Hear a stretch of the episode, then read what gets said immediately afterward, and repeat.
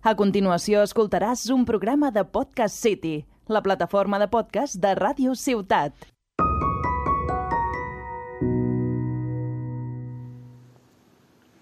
Senyora presidenta, primer ministre, distingits convidats, senyores i senyors. Em va emocionar tant que m'haguéssiu convidat a tornar a Barbados i a unir-me a vostès, en nom de la reina, en aquest moment tan significatiu per la vostra notable nació. La creació d'aquesta república ofereix un nou començament, però també marca un punt en un continu, una fita en el llarg camí que no només ha recorregut, sinó que ha construït. Des dels dies més foscos del nostre passat i de la terrible atrocitat de l'esclavitud que ataca per sempre la nostra història, la gent d'aquesta illa va forjar el seu camí amb una fortalesa extraordinària. L'emancipació, l'autogovern i la independència van ser els vostres punts de partida. La llibertat, la justícia i l'autodeterminació han estat les vostres guies. Ostres, comencem solemnes. I no és per menys. Hem escoltat un extracte del discurs del príncep de Gales en la proclamació de la República de Barbados el 30 de novembre de l'any 2021. Aquests moments són de gran importància col·lectiva per a un país. Estimats oients, prepareu-vos un cafetó ben carregadet que en aquest episodi d'abril parlarem de la res pública, de la politeia, de la república.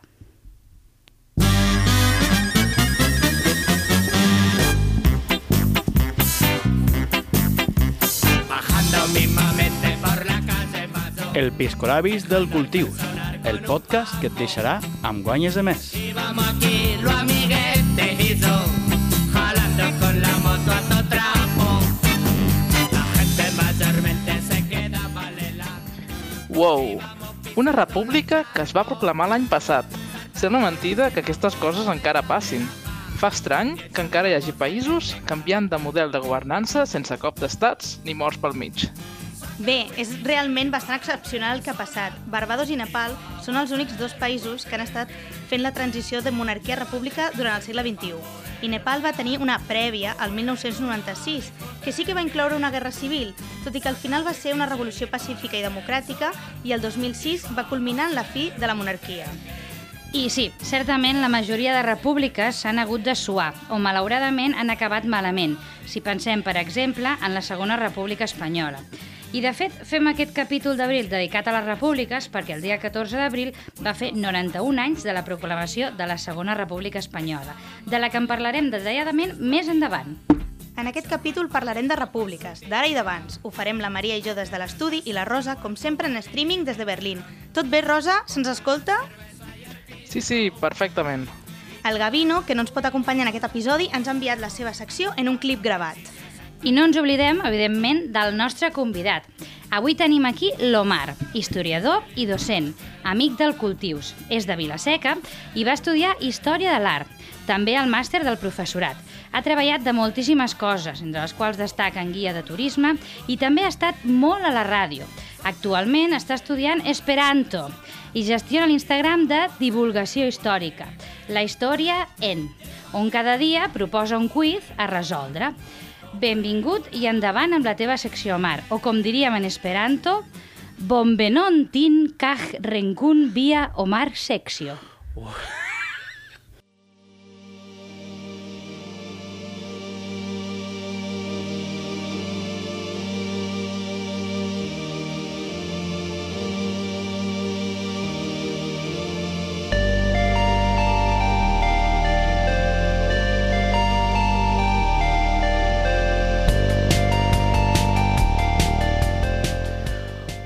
moltes gràcies per convidar-me en el dia d'avui a l'Esperanto mal, eh? Ja, normal. Ja me n'ensenyaràs. vale, hecho. bueno, a veure, mm, què parlarem avui? Parlarem d'una cosa bastant sorprenent, vale? Vale. Ho farem així com una mena de, de tertúlia de bar, d'acord? Espero estar a l'altura. No, una tertúlia de bar, anem bé. A veure, jo sóc profe, ¿vale? Llavors, de geografia i història, soy el profe aburrido. Llavors, què és el que passa? Que quan estudiem història sempre sabem el que, lo que ve després, no? Llavors, sempre que estudiem la Segona República, no, perquè la primera va durar 10 mesos, quan estudiem la Segona República és una cosa que l'estudies amb una certa pena, bueno, a mi és el que em passa, perquè ja saps el que ve després. Ve després la Guerra Civil i tot, tot el que estàs estudiant és com, mm, vale, això és el preàmbul de la Guerra Civil i té aquesta càrrega negativa, té aquesta penúria, després saps el que ve, tothom té un familiar que va patir la Guerra Civil, i com que t'estàs preparant, no? S'està abonant el terreny per, per arribar al tema de la Guerra Civil. I la, la, la història de la Segona República sempre s'estudia com un fracàs i té aquesta càrrega negativa. I això és una cosa que a mi doncs, em, em fa bastanta pena i llavors quan em vau convidar vaig dir mira, saps què? Agafaré un tema que sigui divertit i que parli de la Segona República. I quin és aquest tema? Doncs us porto un personatge bastant pintoresc, vale? ho direm així, cometes i cometes. Qui és aquest personatge pintoresc? Jo una vegada estudiant com van ser les eleccions del 16 de febrer del 1936, on és la major polarització de la història d'Espanya a nivell polític, social i de tot, resulta que apareix un tio... és que això m'agrada molt. Apareix un tio que s'inventa un partit en plan conya, Mhm. surt com a diputat i la història te sorprenderà, vale? Vale, vinga, a tope. Bueno, posem una miqueta en context. Eh, 1936, eleccions. Tothom polaritzat, tothom esquerres o dretes. Primera vegada a la història que les, les esquerres es junten, el Front Popular, partits de dretes també van tots junts, i resulta que aquest tio es munta un partit de cachondeo que li diu el Partido Mesócrata. Us explico qui és aquest tio. Aquest tio és el José de Acuña. José de Acuña és un home que va néixer a Barcelona, però que per coses del destí acaba a Jaén. I és un tio que s'avorreix molt. ¿vale? Té un cortijo i està allí, però avorrit, avorrit. ¿vale? Les cròniques deien que és un senyorito guasón. ¿vale? No m'ho vull ni imaginar per què li deien guasón. Un senyorito guasón. Bueno, és un tio que fotia unes, unes jaranes i unes festes de caldeu. ¿vale? I Mhm. aquest tio arriba un moment que diu l'única manera que tinc jo de sortir d'aquí i anar a Madrid és presentar-me a les eleccions. I bueno, es presenta un munt de vegades. ¿vale? S'arriba a presentar quatre vegades. I a la última, a les del 36, surt escollit amb 153.000 vots. Ni Vale. més ni menys, bé. el José de Cunya, ¿vale? Eh, llavors, us llegeixo en castellà ¿vale? una miqueta de la descripció que fan d'aquest tio. Diu, cuando en 1931, año primero de la era mesocrática, fundió, fundó la Unión Mesócrata Universal, estableció su sede en Los Villares, en la renombrada Huerta de San Juan de Dios. Allí, autocali- autocalificándose de filósofo y profeta con el seudónimo de Asumu, solía reunir a sus amigos y seguidores en opíparas comidas adornadas con ingeniosas tertulias. En ellas aparecía caracterizado de profeta iluminado, con el pelo largo y revuelto y profusa barba y bigote y entre bromas y holgorio imponía a los que ingresaban en su alegre partido la insignia del mismo, un cubierto, una cuchara, tenedor y cuchillo, flanqueado por las letras MU, Mesocracia Universal. És una mica com un crismón, no? Perquè ell és, és, se creia un poco Dios, no? Perquè, per l'estètica. Yo no sé si está loco, si es un genio, pero siempre es ese, ese estrecho momento en que no sabes de qué va este tío. Yo no sé, ¿vale? No sé de qué va. El que sí que és, bueno, és el logo, el logo del partit és una cullera, un, una forquilla i un ganivet, ¿vale? Aquest és el logo. Que està Espera, ins- perdona, el Sí. penjarem a les xarxes, d'acord? Perquè els nostres estimats oients puguin veure la magnitud. Que aquest és el logo de la tuna. Saps aquell, aquella gent que... La tuna universitària? Sí. Vale, doncs aquest era el logo de la tuna. Mm? Eh, Ah. I ve dels sopistas, ¿vale? Los sopistas eran estudiantes pobres que con sus músicas, simpatía y picardías recorrían figones, conventos, calles y plazas a cambio de un plato de sopa cosa que les otorgó el nombre y de unas monedas, de unas monedas que les ayudaba a costear sus estudios. Cuando anochecía y una vez sonaba la campana de queda o recogida, salían a rondar los balcones para enamorar a las féminas que pretendían. Recibían el nombre de sopistas porque de ellos se decía que vivían de la sopa boba. Ah. Ya me apres algo, Sí, sí. ¿vale? E- Sí, Estoy sí. juntando la tuna y la Segunda República. És que si algú ha entrat ara, en aquest moment, o escolta a partir d'aquí, no sabrà de què estem parlant, eh, segurament. I ben fet. És que, bueno, d'aquest tio no, no, no se'n pot saber res, ¿vale? Vale. Llavors aquest tio descobreix que les esquerres estan predominades pels comunistes i els socialistes, les dretes, el feixisme estava en boga, i aquest tio s'inventa la mesocràcia. La mesocràcia és una cosa que existeix, però ell li dona un altre calificatiu. Dice que la, la mesocracia es el dominio de la clase media económica. Para José Acuña y a su partido, la mesocracia dejó de ser una división econòmica de la sociedad para ser un término intelectual. O sigui, aquest tio te diu que existeix una classe mitjana, però a, nivell intel·lectual. Què és el que diu? Que hi ha gent molt llesta, hi molt llesta, que aquests els califica de anormales positivos o aristócratas de la inteligencia Dice anormales positivos o aristócratas de la inteligencia, que son aquellos que se distinguen de sus semejantes por una cualidad especialmente positiva, que no excluye la existencia de otras cualidades negativas, siempre que éstas estén más disimuladas y ocultas. Ah. En definitivamente son anormales positivos o aristócratas, los genios de la ciencia o del arte, profesores ilustres, músicos, escritores e incluso toreros. Vale. Vale, aquest tío, bueno, cada vez está en Jaén, pues, ha, Sí, ha sí. metido los toros ahí a cañón. Sí, sí. ¿Vale? O sea, te dice que hay una clase, una clase dominante de la inteligencia, que cuidado con estos porque pueden caer también en la egolatría, ¿vale? Es una del- uno de los avisos que, que él hace. Después están els normales, normales relativos, o mesocracia, ¿vale? Hay gente normal, que dice los equilibrados, la mayoría del género humano, a juicio de Acuña, el 80% de la humanidad. Son las hormigas que trabajan, piensan, sufren para vivir lo mejor posible. Y solo aspiran a esto, conseguir estar bien gobernados.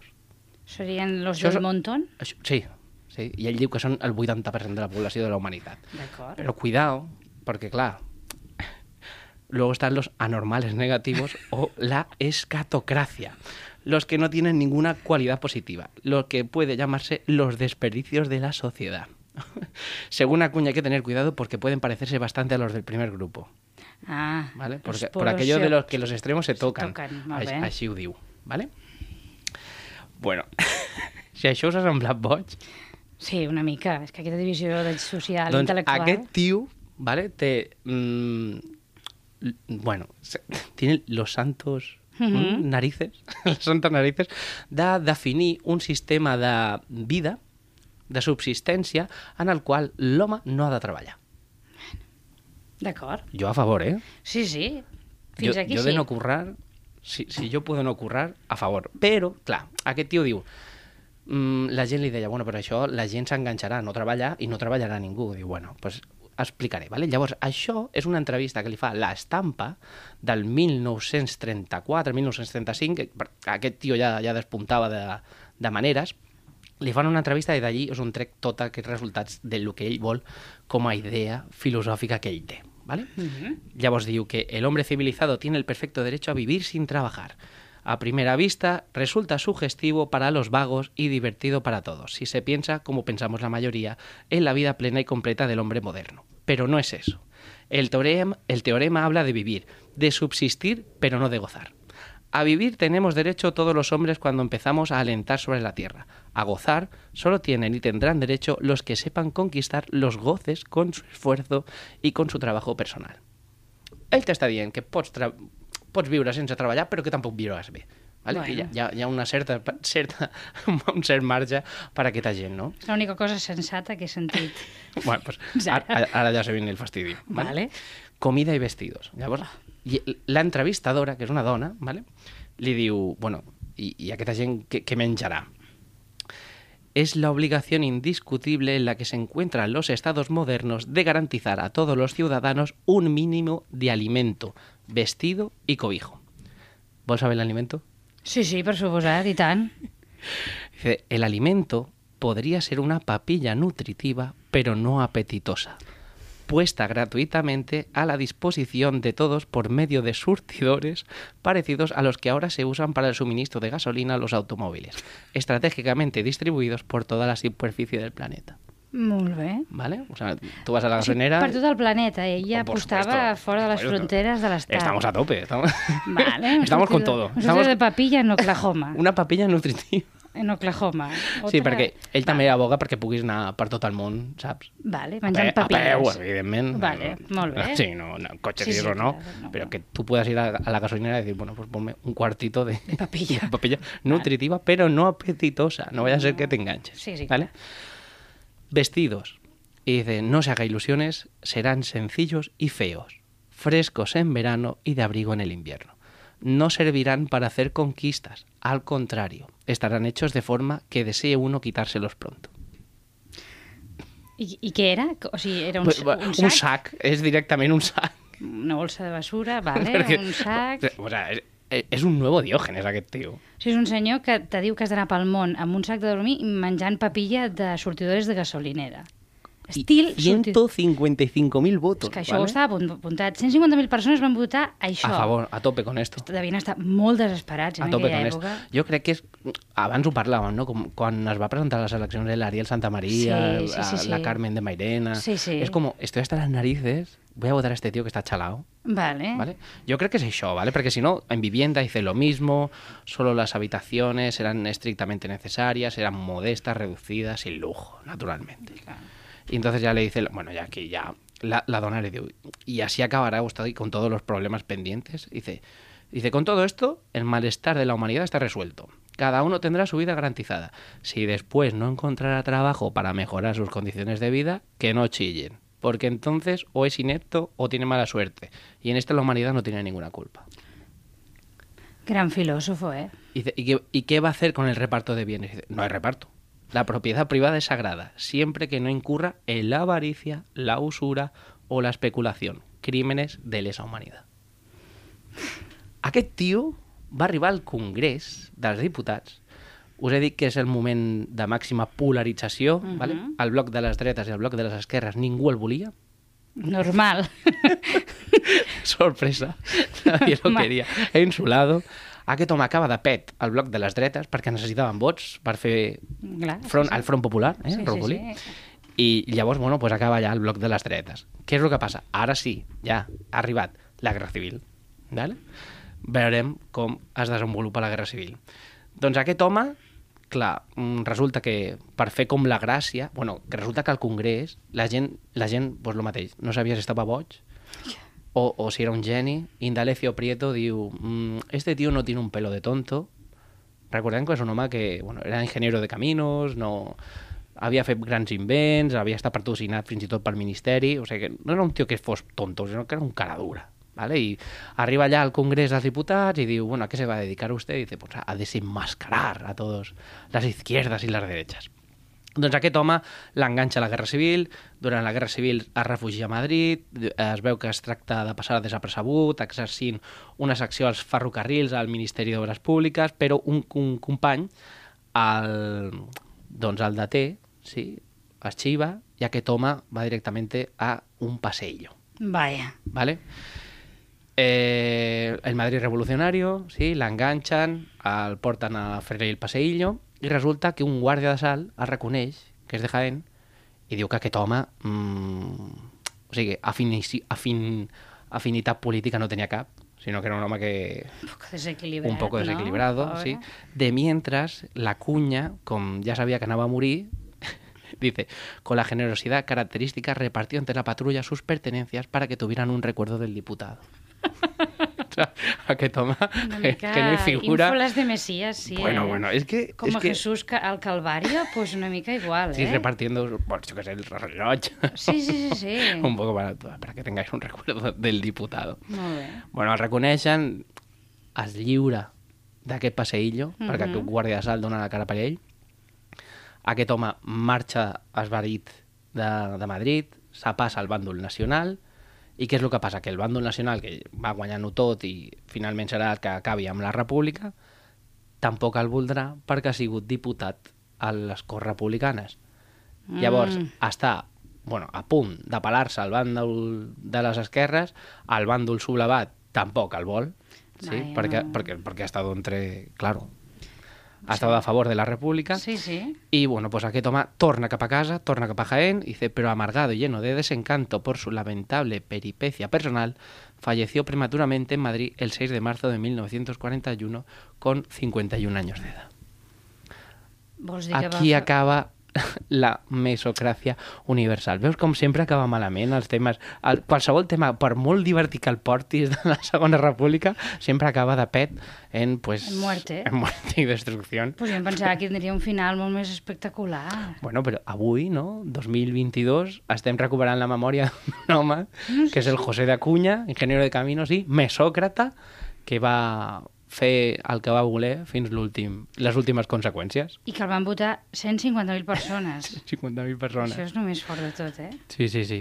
Doncs fins aquí, bueno, us, us agraeixo, Moltes us encomano a classes d'esperanto Ja, he de millorar el meu esperanto per poder anar pel món, ho sé, ho sé. O la papilla nutritiva. Ja, Pots escollir. us faré.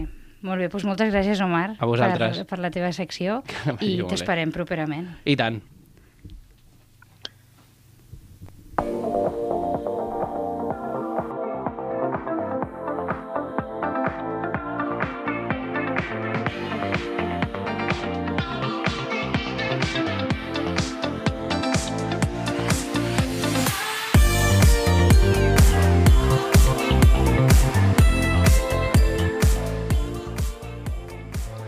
Després d'aquesta interessant secció de l'Omar, eh, avui passem a la secció del Gamino, no ens pot acompanyar, però ens ha deixat una gravada la seva secció de museus.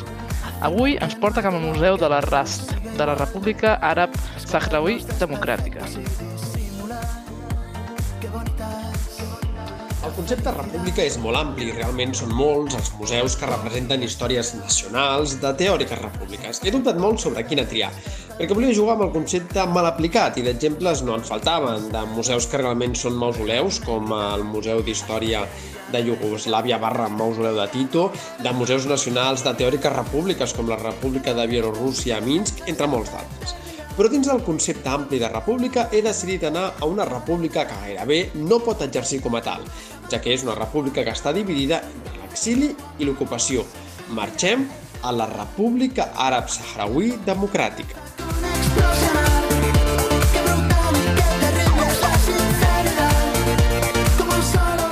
Avui ens traslladem al vell mig de la Hamada. La Hamada és la part més insòlita del gegantí desert del Sàhara i concretament marxem a un racó situat dins de les fronteres argelines.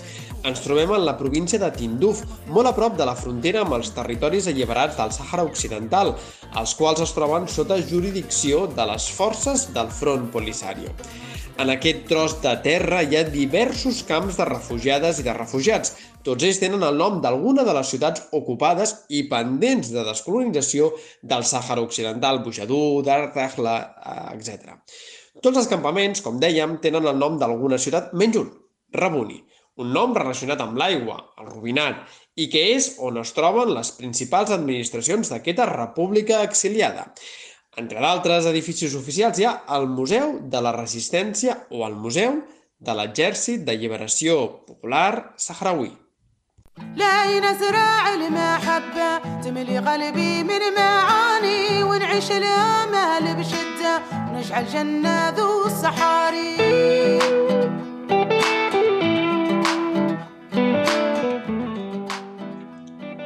El museu, doncs, és una eina més del govern de la República Sahraoui per crear consciència, però sobretot per a que els seus i les seves joves i els visitants no oblidin els motius que els han portat a la situació actual que es troben, aïllats al mig del desert per un mal procés o bé un inexistent procés de descolonització per part d'Espanya.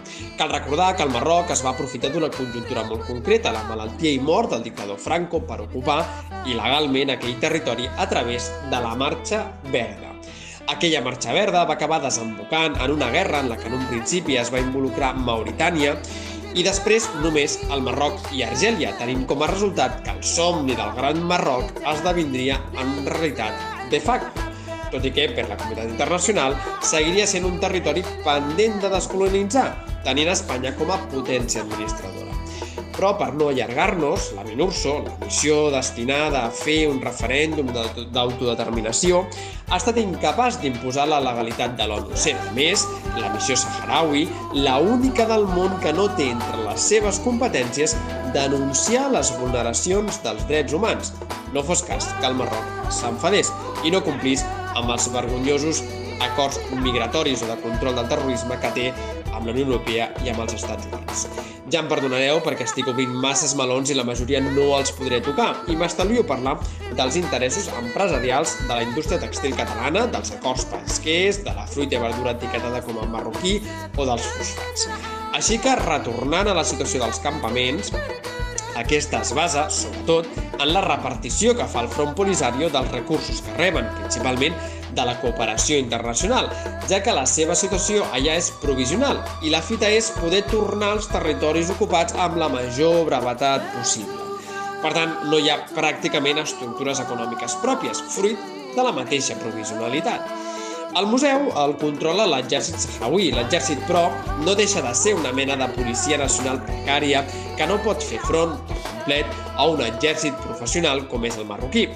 A banda del relat històric, amb presència de documentació molt interessant sobre la creació del Front Polisario en el museu, també ens troba, es troben recollides les principals fites militars saharauis, les quals són pròpies de guerra de guerrilles, per tal de desestabilitzar, mostrant amb orgull el material requisat a l'exèrcit marroquí. Tot i que també ens dona la benvinguda a un muntat pictòric, amb tres herois i tres etapes històriques d'un artista local. Per tant, l'art també té el seu paper en aquest museu al mig del desert. Però si una cosa és especialment interessant és la de com recullen i denuncien el mur marroquí. Seguint totes, eh, segurament totes i tots coneixem murs vergonyosos com els de Palestina, el de Ceuta i Melilla o el del sud dels Estats Units, però poc sabem del mur que aïlla els territoris ocupats i les seves principals fonts naturals dels territoris alliberats del desert saharià de com aquest mur ha estat pagat, segurament, amb diners de la Unió Europea i altres organismes, amb l'excusa que el Marroc controli la immigració subsahariana, perquè siguem realistes, l'exèrcit saharaui no seria una amenaça tan gran com per destinar un milió de dòlars diaris per la seva construcció i manteniment. Exèrcit desplaçat, instal·lació de milions de mines antipersona que segueixen avui en dia actives amb tota la llargària del mateix, etc. Per cert, aquí no tindrem temps tampoc de desgranar tots els aspectes del mur, però si us interessa, al nostre blog, cultiusculturals.cat, trobareu una àmplia informació d'aquest a partir d'una exposició que vam comissariar fa uns anys i que va viatjar per diverses localitats de Catalunya i Aragó. Es deia Mur Sàhara, una terra sense res. Així doncs, crear consciència i denunciar són els principals objectius del museu, però que no deixa de recollir l'esperit optimista i d'acollida que caracteritza la societat saharauí. Així, la presència d'algunes obres d'art, el relat museogràfic i historiogràfic actualitzat, la presència de petits arbres que sobreviuen enmig del desert fan que, a banda de ser un museu militar, reculli el romanticisme d'un poble que porta gairebé 40 anys resistint, exigint, actualment, pacíficament, els seus drets.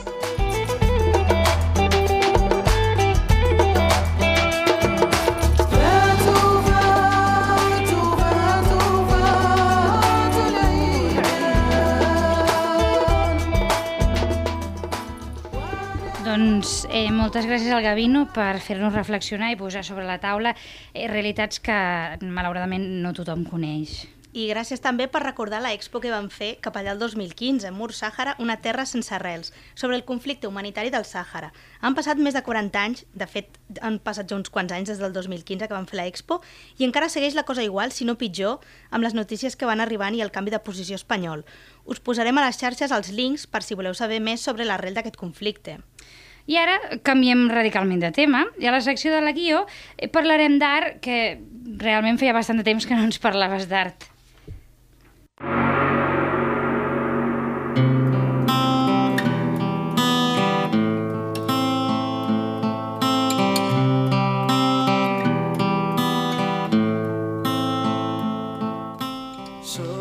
Exacte. Hola a tots, com deia la Maria, vinc a parlar d'art, en concret de la representació iconogràfica de la República.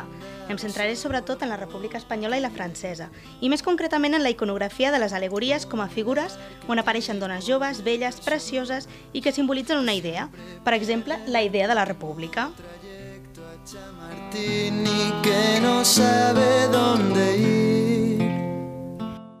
Però no ens liem, comencem des del principi.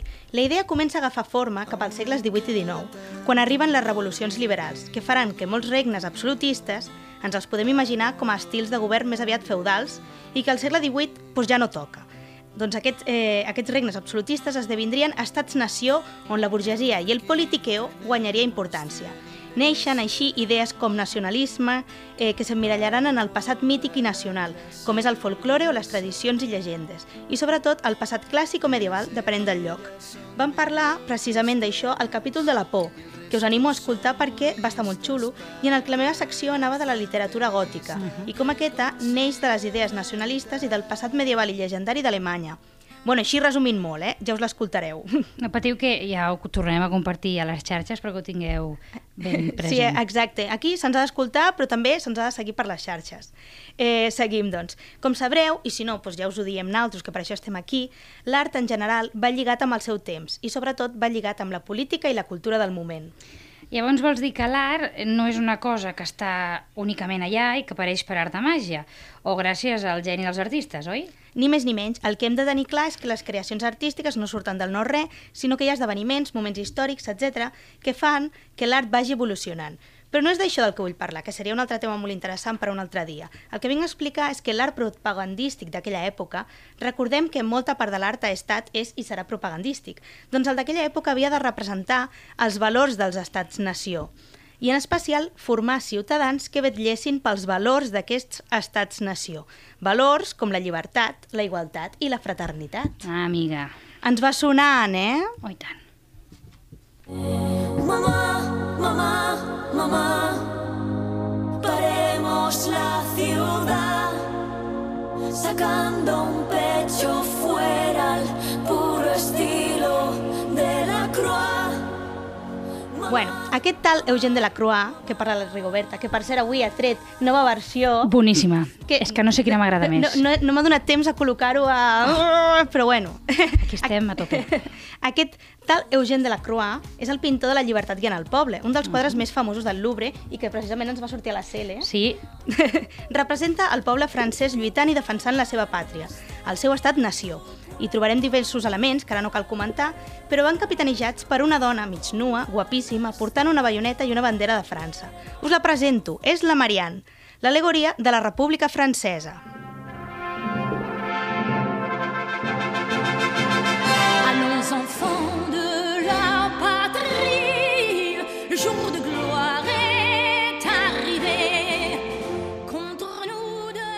Aquest quadre és un dels casos més populars de representacions d'una alegoria. Però què és? Una alegoria és una representació simbòlica d'un element, la música, la justícia, la tardor o en aquest cas la pàtria, a través d'una forma humana. Normalment és el cos seminu d'una noia jove. Tenim de nou la mirada masculina sobre les dones, que la representa com a cànon de bellesa i simbologia de puresa, i en aquests casos sumat a un esperit guerriller, polític o de màrtirs de la pàtria. Si recordeu la imatge, la Marianne, que guia el poble francès cap a la revolució, du un pit al descobert. Això simbolitza la mare pàtria que ens nodreix amb la seva llet, alimentant els ciutadans. Una altra personificació de la pàtria que avui ens interessa és l'alegoria de la República Espanyola. se me vuelva de colores. Haces que la vida se me vuelva de colores.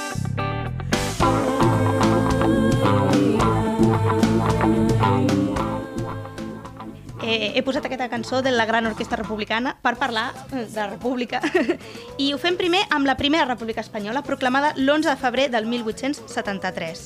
La representació alegòrica de la República, segons la web Arte i Iconografia, apareix el mateix any al setmanari humorístic La Flaca per l'il·lustrador Tomàs Padró Pedret. La iconografia és semblant a la francesa, un pit nu, un barret frigi, que és una mena de barretina que simbolitza la llibertat i la raó, tot molt francès. A més a més, porta una túnica vermella a l'estil romà, recordem, la Hispània romana, eh, els antecedents mítics dels nacionalismes, porta ales i corona de llorer simbolitzant la victòria i una balança simbolitzant la justícia. Aquesta imatge és la niña bonita, se la Ah. coneixerà així. I més endavant, a la Segona República, l'agafarien, l'Estat agafaria aquesta imatge i l'adequaria. Li taparia el pit, li posaria una túnica més blanca, més símbol de puresa, símbols de la pàtria, canviaria el gall que hi havia inicialment i que estava agafat de la idea francesa de valentia, però que tenia massa relació amb la Liga Monàrquica, i posarien un lleó com a símbol de fidelitat. Amb la bandera tricolor ja tindríem la nostra, eh, la nostra república acabada. que xulo. Però llavors Espanya i França són les úniques que tenen aquest tipus de representació? Doncs no, les alegories a la pàtria o personificacions nacionals les trobem a tot arreu, sempre amb la mateixa iconografia, una dona jove portant símbols de justícia, llibertat, religió, símbols de la nació, etc. Per finalitzar, us poso eh, l'exemple de Mèxic, eh, en el qual darrere la noia hi trobem volant una àliga, perquè es diu que al poble azteca eh, quan s'estaven assentant en aquelles zones, van veure una àliga sobre un cactus i allí van edificar la primera ciutat, tot molt a la romana. Doncs pues molt bé. Moltes gràcies, Guió. I avui la Rosa, des de Berlín, ens porta una república europea amb un signe d'interrogació al final. I jo tinc bastantes ganes de saber-ne més. Endavant, Rosa. I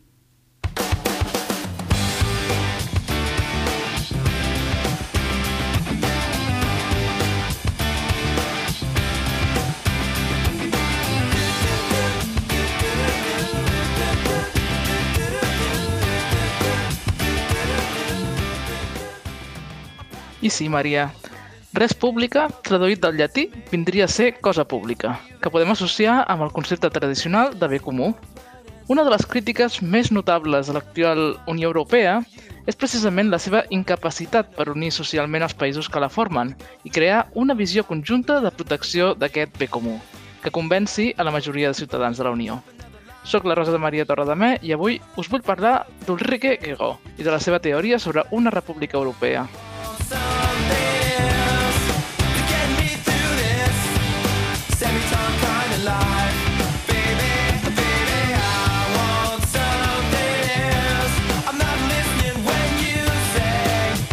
Europeistes convençuts, potser ara estareu pensant Ostres, quin pal! Ara hem d'escoltar una dissertació teòrica sobre formes alternatives a l'actual Unió Europea? I no us culpo. Malauradament, la Unió Europea no s'ha venut massa bé, en segons quins països, i és vista sovint com una institució més on enviar els elefants de cada partit polític, quan ja els han col·locat a la paperera de la història, un organisme que interfereix en la sobirania nacional i on es parla molt, però no es fa realment res prou important que millori les vides dels europeus dins de la Unió.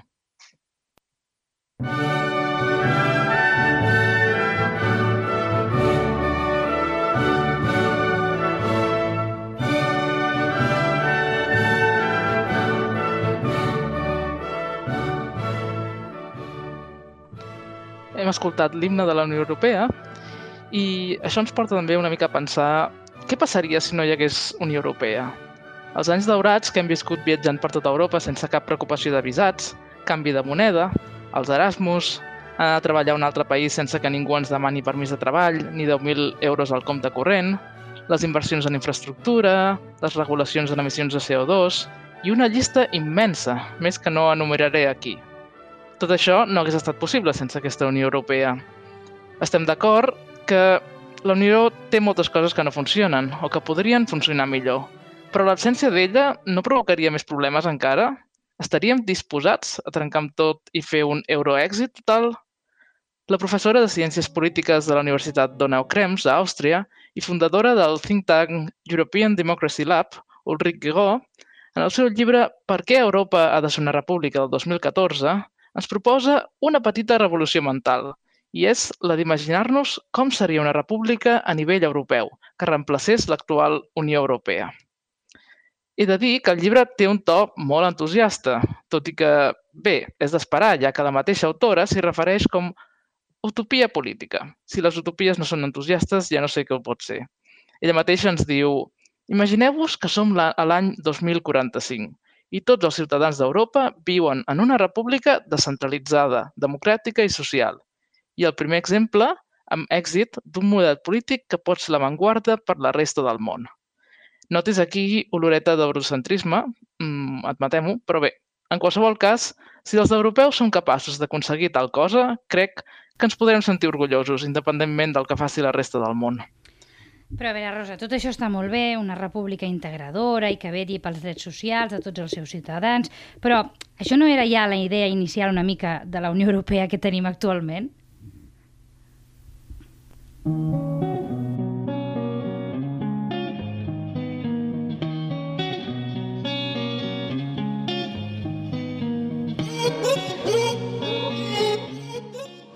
Si mirem els antecedents de la Unió Europea, malauradament veiem com aquesta part més social va arribar a posteriori.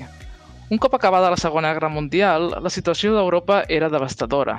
Tant guanyadors com perdedors havien sofert pèrdues innumerables de vides i danys materials, que marcarien el desenvolupament econòmic de les següents dècades.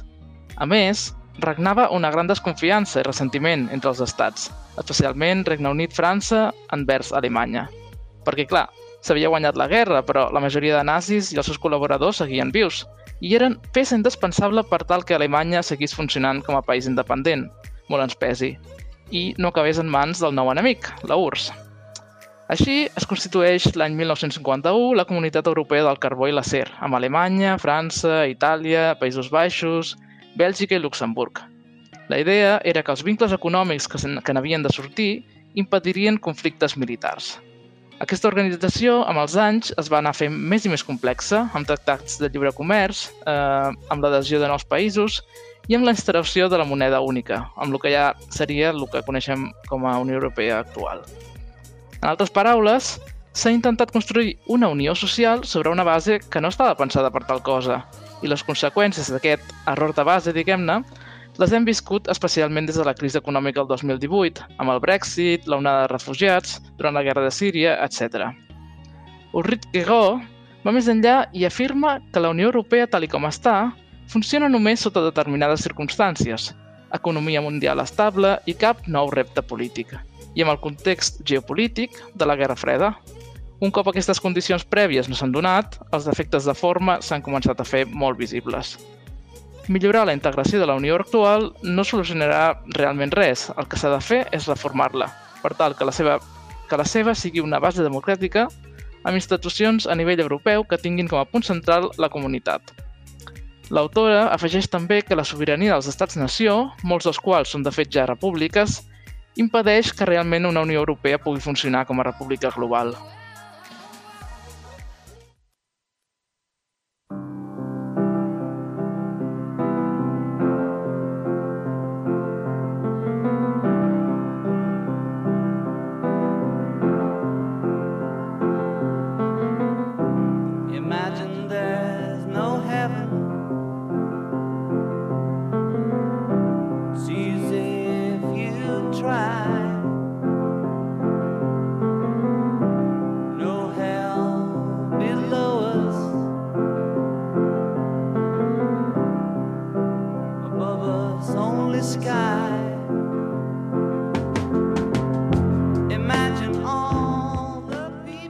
Bé, de fet, Europa com a continent ja té una llarga història republicista, si em permeteu el mot. Plató, Aristòtil, Ciceró en van ser els pioners, però en els segles següents ja es va fer molta feina, tant filosòfica com legislativa, en termes de tractats i lleis per organitzar la societat i la convivència. Va ser sobretot a partir de la creació dels estats-nació, al segle XIX, quan va començar una lluita de tots contra tots per obtenir poder, mercat i diners. Una república té fonamentalment tres principis. Igualtat ciutadana, igualtat davant la llei i igualtat política. Tots els vots valen el mateix i existeix un sistema parlamentari sortit de la votació. Cal d'encaminar-nos cap a aquest model república europea. Doncs bàsicament s'hauria de reordenar Europa a nivell polític, territorial i econòmic. Si us sonen els conceptes de regionalisme, emancipació ciutadana, sostenibilitat, de creixement econòmic, ja sabeu una mica per on van els trets. Bàsicament, cal superar els estats-nació i pensar-nos com a ciutadans de quelcom més gran.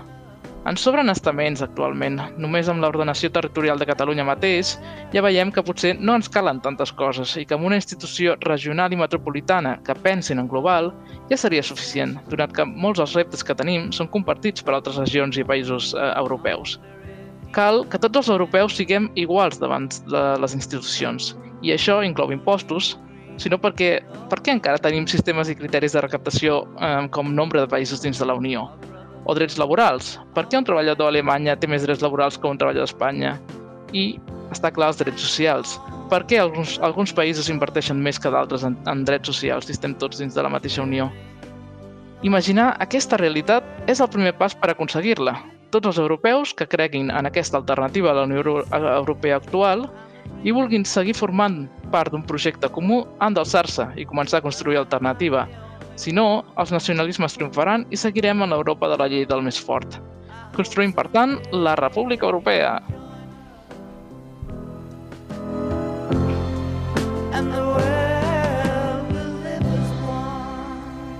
Bueno, bueno, Rosa, quina bona pinta, eh? La nova eh, Unió Europea. Ja veurem què passarà. Eh, per la nostra banda, i per acabar el capítol, la Maria, en la seva secció de Dones que fan coses, ens parlarà de les mestres de la Segona República Espanyola i del llegat que ens han deixat.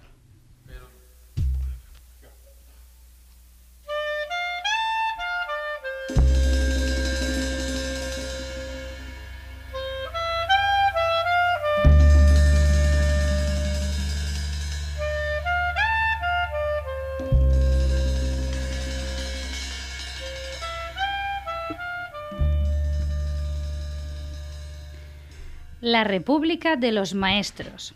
Així definia Marcelino Domingo, primer ministre d'Instrucció Pública, el que va ser la Segona República Espanyola. I amb això hem d'entendre la gran importància que van tenir els docents durant el nou règim republicà que just començava. Serien considerats els funcionaris més importants de tot l'Estat. Tenien l'heroica tasca de modernitzar l'educació i educar infants i joves en la llibertat, la igualtat i la solidaritat. Infants i joves d'un país, recordem, que vestia de negre, resava totes hores i que tenia una taxa d'analfabetisme molt gran, sobretot en les zones rurals. I entre tota aquesta voràgina de canvis, elles, les mestres, dones decidides, lliures i compromeses amb els valors de la república, de la llibertat i de l'avenç pedagògic.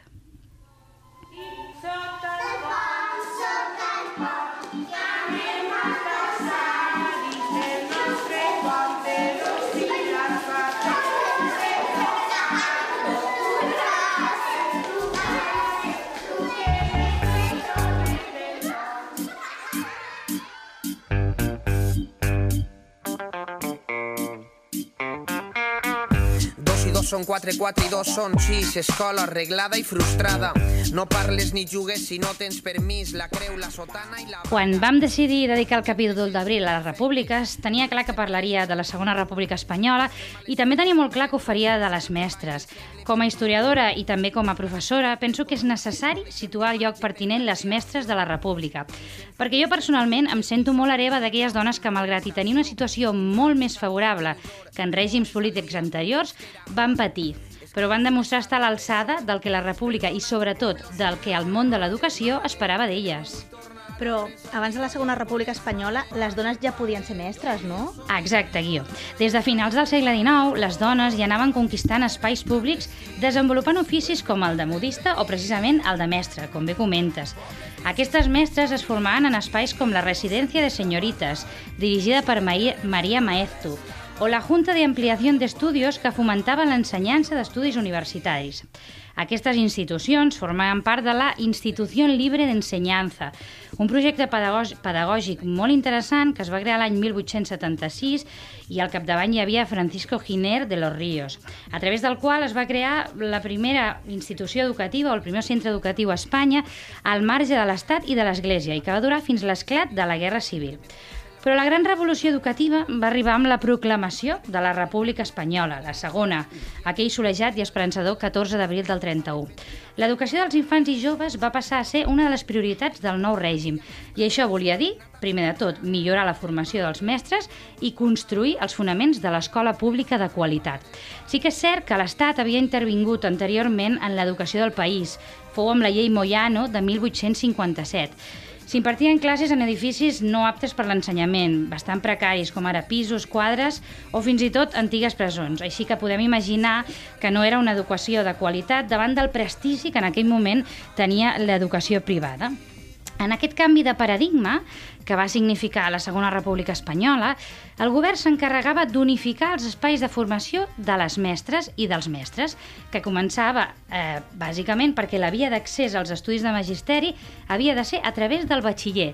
Per tant, el magisteri passava a ser eh, una carrera de nivell universitari. Es va crear l'Escola de Magisteri, on els homes i les dones que volien ser mestres estudiaven conjuntament, fet eh, que va ser bastant criticat pels sectors més conservadors perquè, clar, barrejar homes i dones adults junts en un mateix espai Clar, eh, no uah. agradava, era bastant promiscu. Hi va haver també una millora substancial de les instal·lacions. Es van crear més escoles a les ciutats i a les zones rurals, afegint espais com ara biblioteques, espais polivalents, menjadors, ja que es considerava que l'hora de menjar també era educativa. Escoles on els espais potenciaven el dinamisme de les activitats i sobretot on nens i nenes aprenien plegats sota un model coeducatiu. Com va dir Maria Sánchez Arbós, mestra durant la Segona República, eh, més enllà de les banderes, la república va significar el trencament del mur que separava les aules per començar a treballar plegats.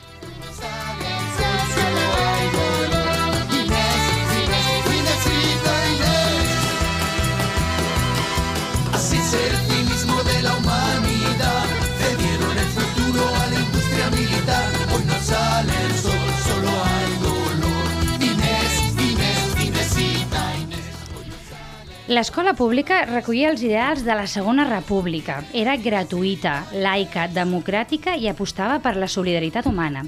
I qui més va creure en aquest model d'escola per transformar la societat del moment van ser les mestres, dones innovadores, amb una forta autoestima, autosuficients i que se sentien lliures. Moltes d'elles van estar estretament vinculades amb l'alliberament de la dona i la lluita a favor del dret eh, de vot. Per tant, moltes van ser sufragistes. Un dels punts més eh, forts d'aquesta escola republicana era el concepte de la nova mestra. Dones que educaven i preparaven a les nenes, però també als nens, i això no havia succeït mai abans. Educaven nens i nenes en un model coeducatiu, però bàsicament eh, sense diferència de gènere. En aquest sentit, les noves metodologies que van anar implantant van promoure aquest avenç. I quines van ser aquestes metodologies? Bona pregunta, Rosa. L'educació pública durant la República, malgrat la redundància quasi, va tenir una part molt positiva, que va ser un model multimetodològic. Què vol dir això? Que cada professor, cada professora, cada mestre eh, podia treballar amb la metodologia que millor li anés i que també s'adequés més al grup classe que tenien. Però sobretot eh, n'havien de ser metodologies activi, actives. Una d'elles, però, va ser la més emprada, que va ser la Montessori. Et sona, Guió? Pues sí, perquè ara amb el bebè pues, estem molt posats en això. I eh, l'escola Montessori bàsicament eh, és un aprenentatge molt vivencial, d'experimentació, sobretot amb coses de, na de la natura, de sortir al carrer, sortir a, a tocar la gespa, a la fusta, a les petxines... Per tant, trencava completament amb l'escola tradicionalista que hi havia prèviament. De fet, a Catalunya, des d'inicis del segle XX, les mestres ja havien introduït aquesta metodologia a les seves classes.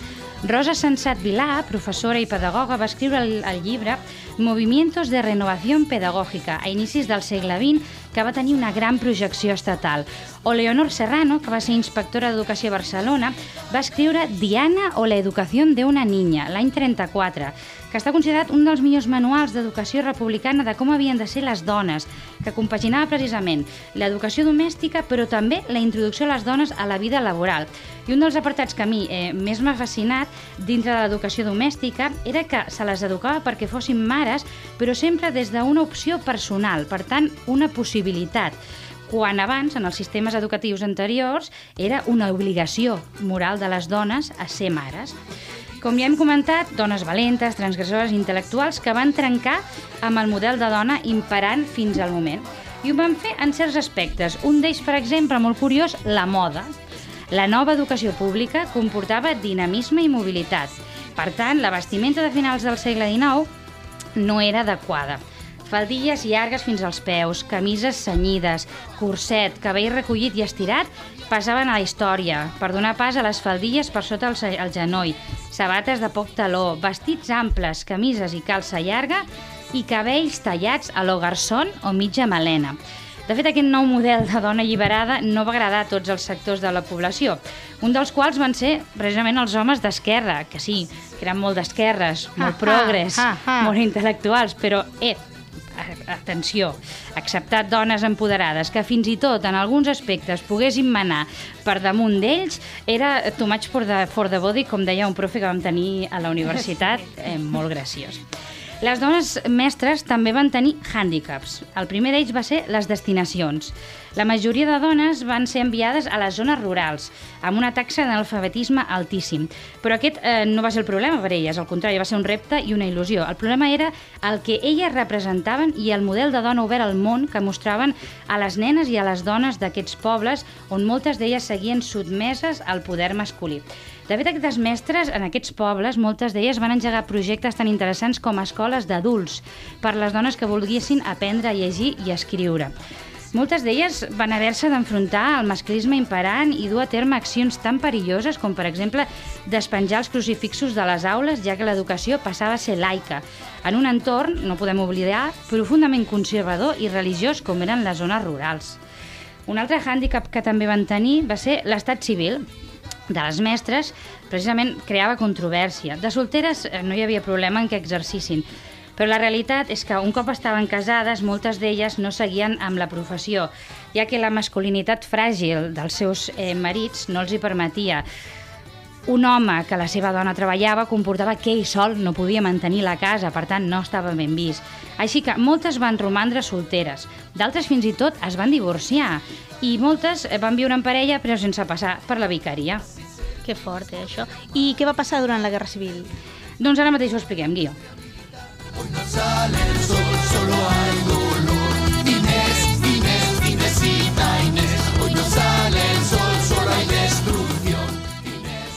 Amb el cop d'estat eh, contra el govern legítim de la Segona República, República i l'inici de la Guerra Civil, les mestres van tenir un paper transcendental. Des de la rereguarda, a les ciutats i als pobles es van posar al capdavant dels sindicats de professors com el FETE de la UGT i de les escoles perquè els infants seguissin com siguin anant a l'escola. Volien mantenir la normalitat dintre del caos, perquè elles, no podem oblidar, van ser les que van creure fins al final en què la guerra es guanyaria i que els valors educatius de la, de la República perdurarien. Però malauradament no va ser així i van perdre la guerra. L'1 d'abril del 39 començaven les depuracions en molts àmbits de la societat i els docents van rebre de valent, en concret les que més les mestres. La Comissió Depuradora del Magisterio s'encarregava de purgar els docents de la República. Les mestres van rebre una doble depuració, per raó ideològica i de gènere. Dones que havien trencat amb el model de dona que defensava el nacionalcatolicisme i el tradicionalisme.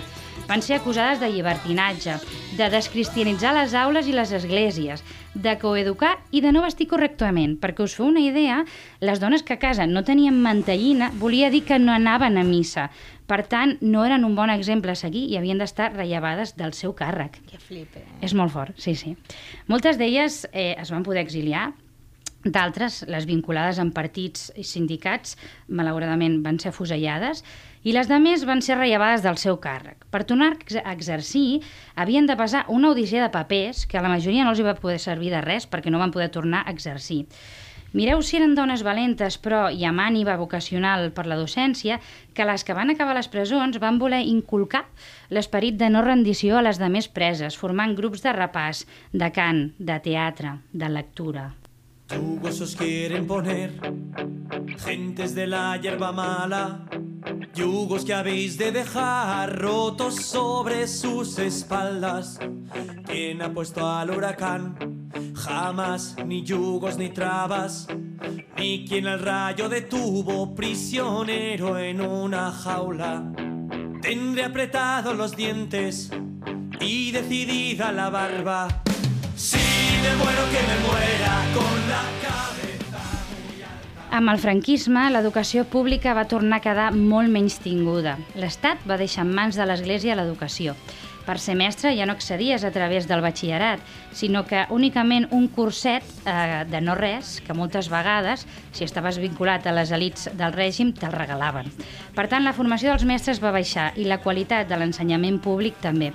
Evidentment, es va acabar amb els ideals de l'educació republicana d'igualtat i escola amb metodologies actives per tornar a l'educació tradicional basada en el catolicisme.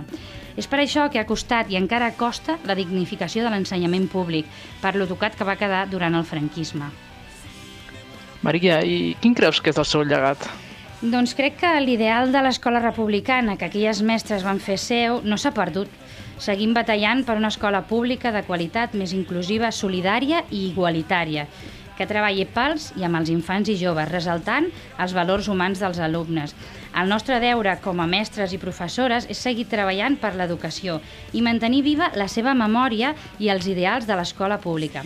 Com, dia, com deia Maria Sánchez Arbós, que va ser professora durant la Segona República, l'educació ha de ser vocacional i hem de posar ànima en tot el que fem.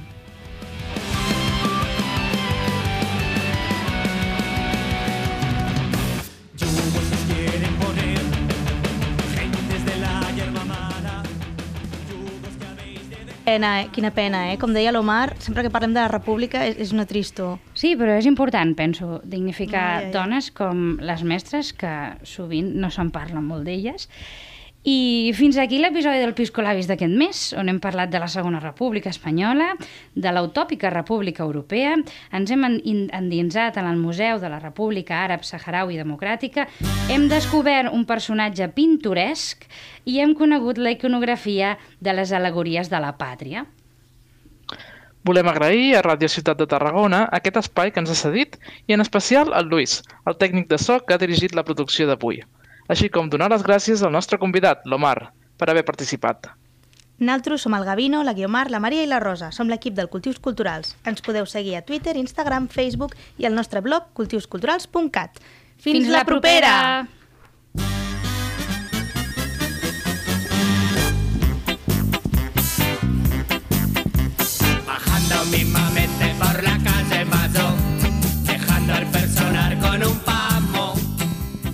El Piscolabis del Cultius, el podcast que et deixarà amb guanyes de més. La gente mayormente se queda valela, porque íbamos pisando los charcos, saltando los semáforos detrás de la ja, y echando a voces de cantar.